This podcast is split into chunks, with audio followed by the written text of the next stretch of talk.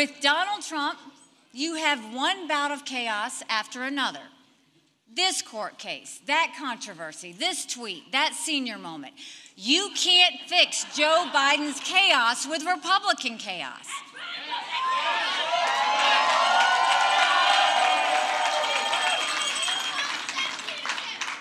The other day, Donald Trump accused me of not providing security at the Capitol on January 6th. Now, I've long called for mental competency tests for politicians over the age of 75.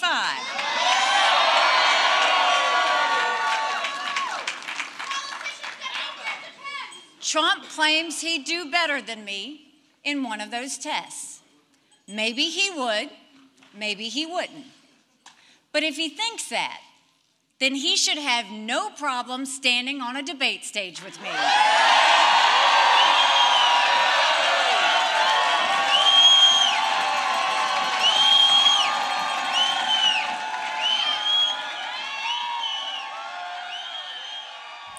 Je hoort natuurlijk Nikki Haley die de aanval op Trump opent. Niet alleen is Trump een veroorzaker van chaos, want dat zegt ze natuurlijk wel vaker, maar hij is ook mentaal niet in staat om president te zijn. Ja, dat zegt ze na de voorverkiezingen in New Hampshire, die ze niet gewonnen heeft. Al zou je dat wel denken als je deze toespraak zo hoort. Uh, ik snap het ook wel, zij claimt dit natuurlijk als een overwinning. Ze staat, nu ik deze podcast opneem, terwijl ze dus nog een paar stemmen aan het tellen zijn, op ongeveer, nou wat is het, uh, 2, 3, 44 procent eh, van de stemmen. Ongeveer 10 procentpunten achter Trump. Ja, dat voldoet in ieder geval aan haar doelstelling om het beter te doen dan in Iowa. Daar haalden ze rond de 20 procent.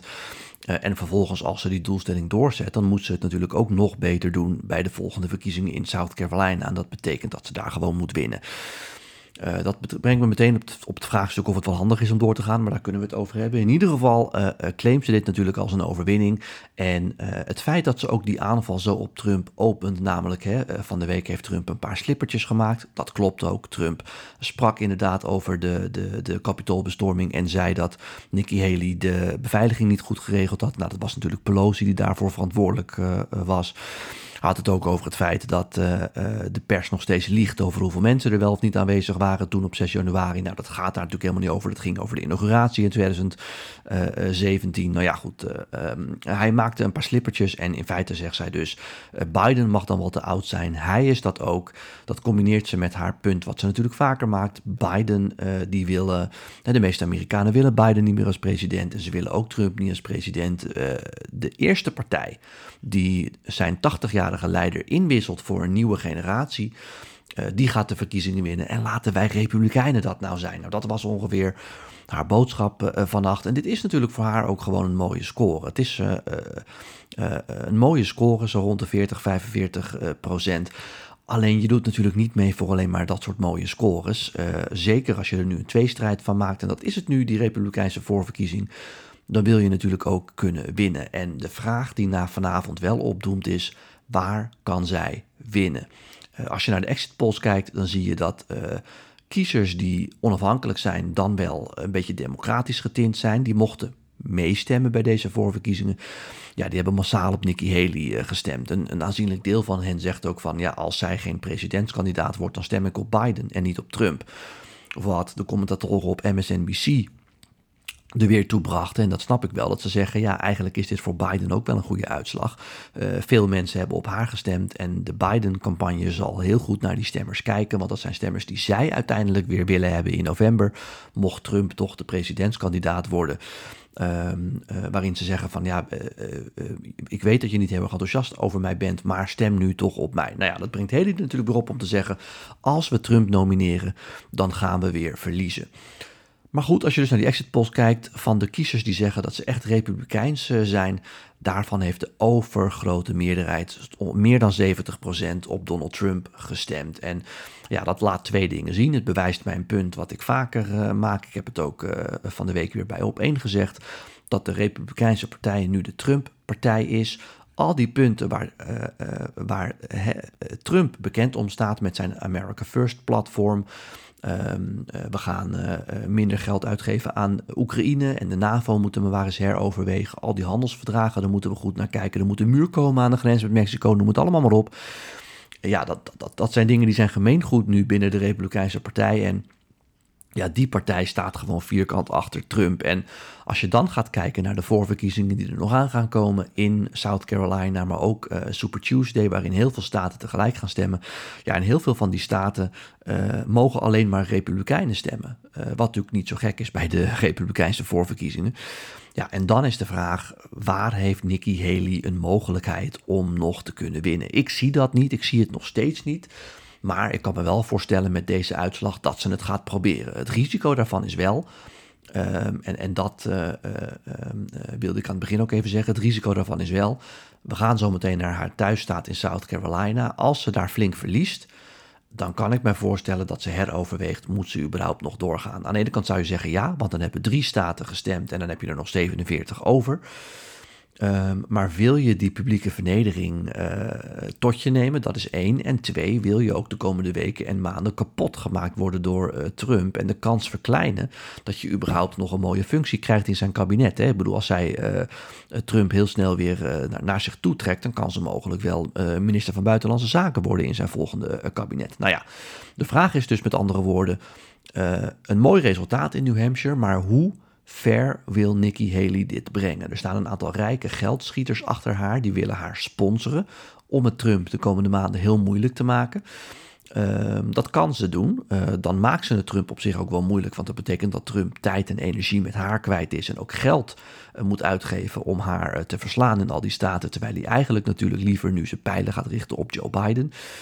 Ehm, maar daarmee maakt ze zich niet geliefd bij die hele uh, Trump-achterban, die nu dus de Republikeinse Partij uitmaakt. En daarmee maakt ze zich dus ook niet geliefd om het ja, in de toekomst, ze is nog jong, uh, opnieuw een keer te proberen voor die presidentsverkiezingen. Dus ja, uh, lang verhaal kort.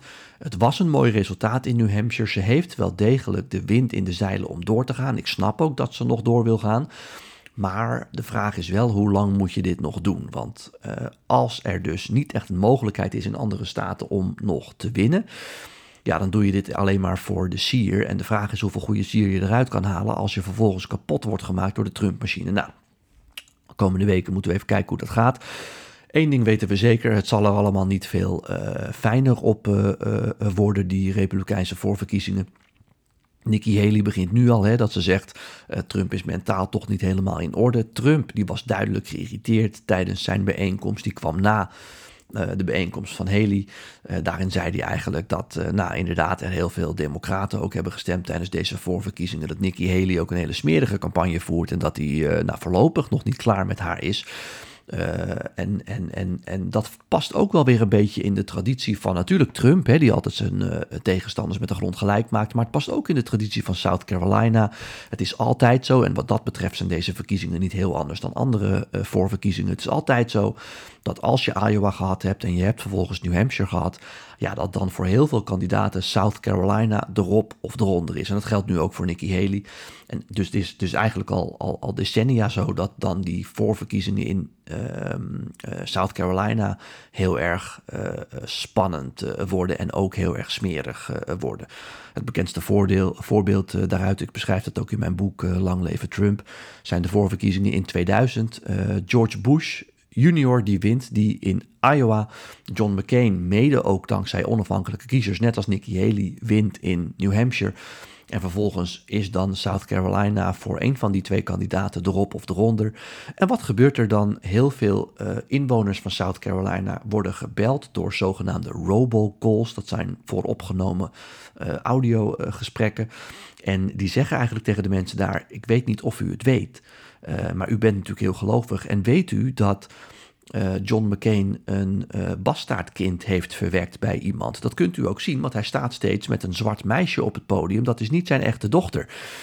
Nou, iedereen die John McCain kent, die weet dat hij en zijn vrouw haar hebben geadopteerd. ik geloof uit Vietnam, maar ik kan daarna zitten. Maar in ieder geval hebben ze haar geadopteerd. En zij heeft dus gewoon een wettig kind van hem. En alleen ze is geadopteerd. En daarom ziet ze er ook wat anders uit dan de andere kinderen van John McCain. En eh, toch geloofden heel veel kiezers dat. En mede daardoor, misschien wel, heeft John McCain toen die voorverkiezingen in South Carolina verloren. En uiteindelijk won, eh, verloor hij überhaupt de voorverkiezingen.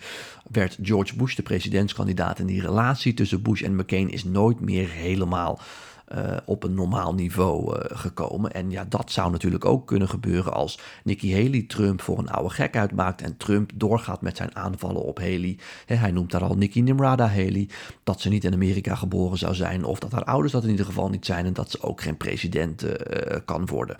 Kortom, het kan nog heel spannend worden de komende tijd, maar voor Nikki Haley geldt wel, er moet in South Carolina gewonnen worden. Als dat niet zo is, ja, dan is toch de vraag, uh, meisje, hoe lang moet je hier nog mee doorgaan? Goed, tot zover mijn update en mijn eerste analyse van die voorverkiezingen. Wil je er meer over horen? Ik zit vanavond bij Vandaag Inside, dus dan uh, gaan we er nog uitgebreider over doorspreken. Nu eerst even wat vragen die jullie hebben ingestuurd via Twitter, Instagram en LinkedIn. Ja, eerst een vraag van Jasper. Die sorteert ook al een beetje voor op de overwinning van Trump. Die zegt: Wanneer verwacht je dat Trump zijn running mate bekend gaat maken? En wie zouden dat kunnen worden? Nou, Jasper, ik zal binnenkort dan even een, speciale aflevering maken uh, over de mogelijke kandidaten. Dat lijkt mij op zich een mooi moment als Trump heel dicht bij de nominatie is. Dat is hij natuurlijk al, maar laten we met uh, een uitgebreide analyse daarvan even wachten tot Trump echt de nominatie op zak heeft. Wat ik wel kan zeggen is wat Trump daar zelf ook al over gezegd heeft, namelijk dat hij een vrouw zou willen en het liefst ook een gouverneur. En dat, nou dan kun je zelf opzoeken wie dat zouden kunnen zijn. Ik heb een lijstje daarvan, dat ga ik dan de volgende keer uitgebreider bespreken. Een vraag van Bas, die ligt een beetje in het verlengde daarvan. kun je meer vertellen, Raymond, over de intervulle ministersposten aan de Republikeinse zijde, mochten zij natuurlijk winnen? Wordt Vivek Ramaswamy bijvoorbeeld minister en wie wordt de vicepresident van Trump? Nou, die vicepresident, daar gaan we het dan dus een andere keer over hebben. Ramaswamy zie ik zeker minister worden, daar sorteert ook hij al op voor. Uh, en andere ministers, ja, je moet denken aan mensen die hem nu steunen. Hè. Die worden daar natuurlijk voor beloond. Dus Ramaswamy is er daar een van. Maar ook de gouverneur van South Dakota, die ook presidentskandidaat was, die heeft hem gesteund. Tim Scott heeft hem deze week gesteund, of vorige week eigenlijk al. Ja, dat zijn mensen die be, beloond worden met bijvoorbeeld ministersposten als minister van Justitie of minister van Buitenlandse Zaken. Uh, en dan neem ik meteen ook de, Vic, de, de vraag van Victor mee. Die vraagt, uh, dat, dat ging ook over iemand die Trump steunde. Steunt hij nu Trump om, om zijn plek als gouverneur te behouden? Net als andere partijprominenten of wil hij er wat anders uithalen? Ja, beide is waar. neem Tim Scott even als voorbeeld. Die is senator uit South Carolina, benoemd op tot die plek door Nikki Haley, omdat er iemand anders was weggevallen. Ja, die doet dat omdat hij misschien een baantje in de Trump-administration wil. Maar al zou hij dat niet willen, dan is het ook belangrijk in die Republikeinse partij. En dat bewijst opnieuw mijn punt dat die partij nu de Trump-partij is. Als je niet door een uh, partijgenoot uitgedaagd wil worden omdat je bijvoorbeeld niet loyaal genoeg aan Trump bent.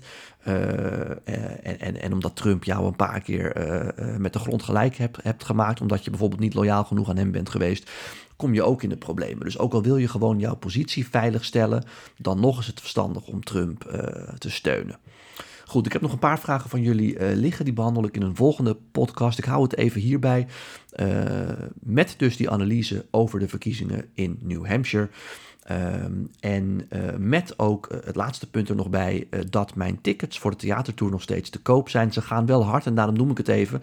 Ik weet dat het pas in november is en ik kan me voorstellen dat je denkt we gaan van de zomer eens kijken wanneer hebben we zin om naar Raymond te gaan. Maar de tickets gaan hard en ik heb geen ruimte in mijn agenda om daar nog nieuwe voorstellingen bij te doen. Misschien een handvol, um, 1, 2 of 3 of zo, maar veel meer. Daar heb ik in het najaar geen tijd meer voor. Dus wil je mij komen zien, boek dan die tickets snel. En heb je een vraag, blijf die dan insturen, dan beantwoord ik die weer in een volgende podcast. Tot zover, tot dan.